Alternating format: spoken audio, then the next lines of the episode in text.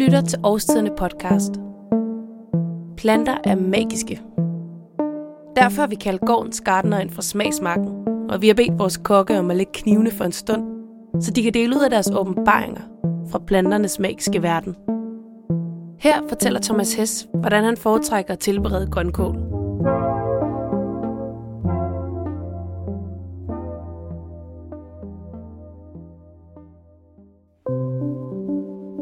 Grønkål findes i mange forskellige varianter.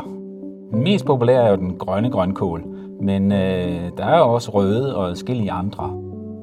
Grønkålen har jo været dyrket her i Norden i, i rigtig mange år, og på, på et tidspunkt kaldte man det 50'ernes vitaminpille, fordi den er smaskfyldt med vitaminer, mineraler og fiber, plus den kombination, at den faktisk kan stå ude helt til det bliver varmt. Så øh, grønkål er noget, vi kan have fra det øh, tidlige efterår og helt frem til april. Vi er dog øh, de seneste par år blevet lidt mere udsat.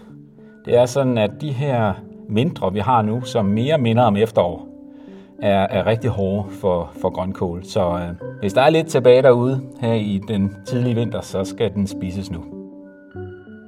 Grønkål er jo sådan en, øh, en type grøntsag, som for os kokke kan rigtig mange ting. Men der er også et par ting, man lige skal være opmærksom på. Generelt vil jeg sige, at jo finere man snitter en grønkål, jo nemmere er den at spise rå.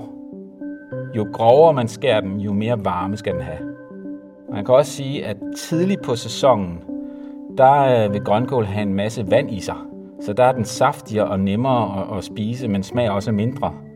Og sidst på sæsonen vil den have mere tørstof og kræve lidt mere, men også smage bedre gamle dage sagde man tit, at en ting som grønkål helst lige skulle have haft et streg for nattefrost, før den var rigtig god. Nogle af mine yndlingsretter med grønkål er, er en grønkålstatar, og det er faktisk en ret, som vi i årstiden har lavet altid.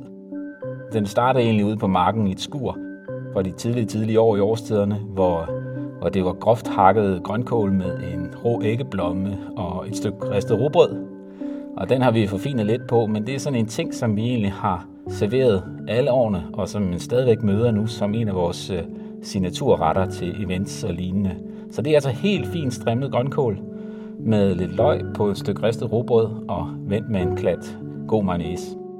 Og det smager faktisk virkelig skønt. og er helt overraskende dejligt.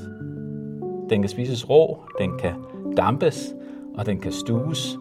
Øh, den kan også ligge som lag i lasagne eller øh, i Arne Grønne retter. Så øh, grønkålen holder godt, smager super godt, masser af tilberedninger, og så har den en rigtig dejlig lang sæson i vores klima.